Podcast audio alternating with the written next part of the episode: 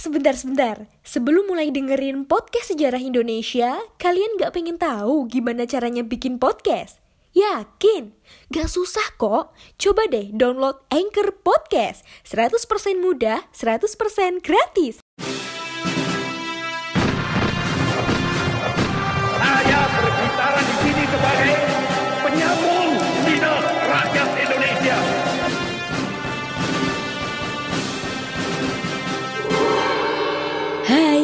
Kalian sedang mendengarkan Poseidon, podcast sejarah Indonesia. Ngomongin masa lalu dengan gaya masa kini. Assalamualaikum warahmatullahi wabarakatuh Hai semuanya For the first time and forever Saya menyapa kalian semua, ya kan? Karena biasanya kan saya nggak pernah nyapa kalian pakai salam. Jadi hari ini saya coba salam pakai salam.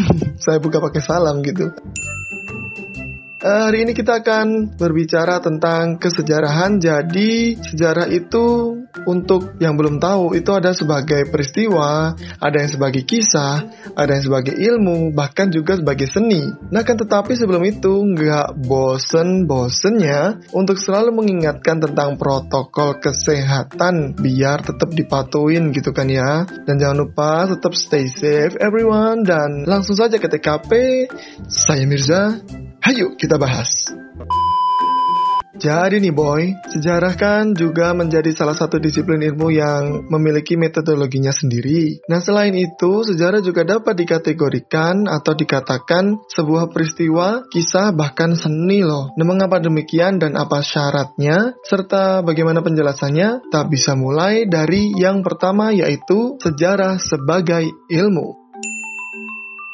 Hal ini terjadi karena sejarah merupakan pengetahuan masa lalu yang disusun secara sistematis dengan metodologi atau dengan metode kajian ilmiah untuk mendapatkan kebenaran peristiwa masa lalu. Nah, kebenaran itu dapat dibuktikan dari dokumen yang telah diuji sehingga dapat dipercaya sebagai salah satu fakta sejarah. Syarat sejarah dikatakan sebuah ilmu apabila terdapat objek kajian yang merupakan permasalahan real di lapangan, lalu memiliki metodologi atau metode yang akan menghubungkan bukti-bukti sejarah yang kemudian kisah dan peristiwa sejarah akan disusun secara sistematis dan kronologis. Selanjutnya, berdasarkan penyusunan sumber dan kritik, sejarah dapat disahkan kebenarannya sehingga mampu dikatakan sebuah ilmu. Nah, fakta yang ada di lapangan haruslah bersifat objektif, meskipun sulit membenarkan atau memberna, uh, membuat ini menjadi benar gitu kan ya. Karena nyatanya setiap suatu kisah itu atau suatu peristiwa itu pasti memiliki pandangannya sendiri-sendiri, baik berupa dokumen maupun cerita. Nah makanya setelah melewati serangkaian tersebut, harusnya sih mampu diakui kebenarannya yang bukan hanya dari sejarawan saja, namun juga masyarakat yang luas.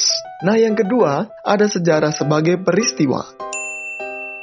Dalam sejarah, peristiwa menjadi salah satu kunci utama karena suatu peristiwa tidak akan terulang untuk kedua kalinya. Hmm, mungkin kalau kalian pernah dengar dejavu, ya kayaknya kok peristiwa tersebut itu berulang gitu kan ya. Tapi nggak gitu sih sebenarnya konsepnya. Karena dalam sejarah, sebuah peristiwa itu pasti hanya terjadi sekali seumur hidup dengan waktu, detik, menit, tanggal, bulan, bahkan tahun yang eh, nggak uh, masuk. Maksudnya nggak ada di dalam kehidupan sehari-hari atau di kemudian hari gitu dengan keadaan yang sama persis plek ketiplek gitu nggak ada. Nah pokoknya dalam waktu dan tempat itu saja deh gitu. Jadi dejavu nggak mau nggak mungkin bisa kayak gitu. Karena nggak mungkin diulangin gitu ya. Nah, syarat suatu peristiwa dapat dikatakan sebuah sejarah apabila unik dan juga abadi. Artinya, memberi dampak secara luas bagi kehidupan di masa yang akan datang atau di masa sekarang dan juga akan datang yang hanya terjadi dalam sekali seumur hidup. Meskipun kekinian, peristiwa sejarah itu atau peristiwa yang memiliki nilai sejarah, dampaknya nggak harus selalu yang gede kok. Kadang bisa juga dampak kecil maupun yang sedang hype diperdendangkan seperti corona kayak gini, pasti nanti akan menjadi sejarah di masa yang akan datang. Nah, yang menarik adalah dari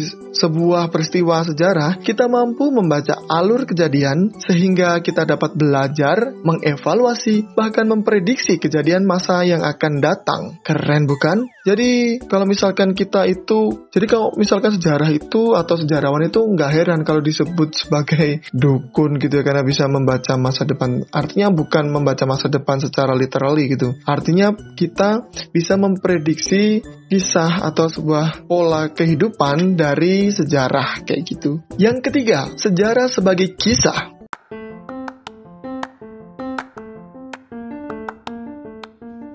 Halo Sobat Poseidon, kalian pasti sudah tidak asing lagi dengan Anchor. Yap, aplikasi penyedia jasa untuk para podcaster pemula dan juga pro. Buat kalian yang pengen mulai nge-podcast, langsung download aja Anchor di App Store ataupun di Play Store. Di sana, kalian bisa nge-podcast dengan banyak banget pilihan background musik. Setelah itu, kalian bisa mempromosikan podcast kalian ke mana pun. Secara otomatis, nanti akan di-sharekan oleh Anchor sendiri. So, tunggu apa lagi? Cus, nge-podcast bareng Anchor.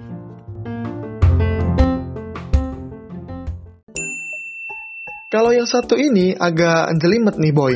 Gini gini gini. Sejarah sebagai kisah itu kalau secara makna adalah kejadian di masa lalu yang diungkapkan kembali berdasarkan uh, penafsiran dan interpretasi yang dapat dipertanggungjawabkan. Nah, jadi sekalipun sebuah kejadian di masa lalu tetap harus dapat dipertanggungjawabkan nih. Artinya kebenarannya harus benar-benar terjadi minimal 90% atau 90 lebih gitu ya. Kejadian itu bisa berupa individu maupun kelompok sosial nih boy. Nah, Intinya adalah mereka yang mengulang adegan atau peristiwa dalam sejarah melalui tulisan, rinci maupun lisan gitu. Nah, akan tetapi ada kemungkinan kalau diceritakan kembali itu akan terkesan lebay atau terkesan kurang subjektif itu karena ya biasanya ya jenengnya manusia gitu kan ya. Suka berimprovisasi dan kadang beberapa kisah sejarah itu sudah ada bumbu-bumbunya. Jadi kayak kurang objektif gitu. Astagfirullah. Tapi ya begitulah sih. Begitulah sih. Gimana sih? Oke lanjut. Next. Yang keempat ada sejarah sebagai seni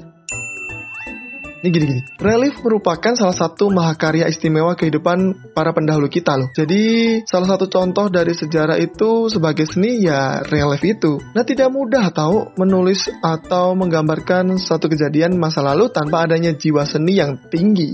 Misalkan dalam sebuah karya tulis sejarah haruslah dibutuhkan intuisi, imajinasi, dan diksi yang istimewa agar penyampaiannya sampai ke pembaca atau pendengar hingga mampu membayangkannya. Jadi memang membaca sejarah dan menulis sejarah itu harus punya imajinasi. Jadi siapa bilang nih sejarawan itu nggak ada darah seninya gitu?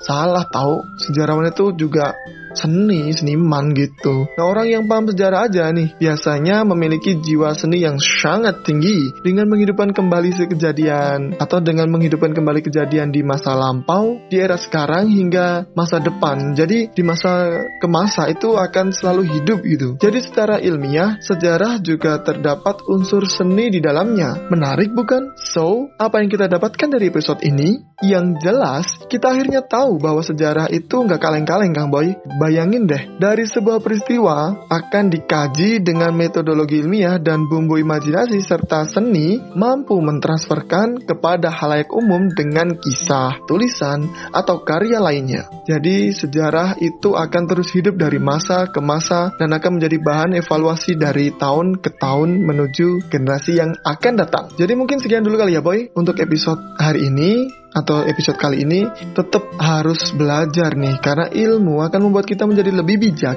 dan lebih baik lagi. Jangan lupa untuk terus ikuti podcast kami di Poseidon di Spotify tentunya ya untuk di follow juga nih jangan sampai lupa serta Instagram kami di @podcast. Itu aja dulu salam sejarah salam lestari saya Mirza terima kasih. Terima kasih.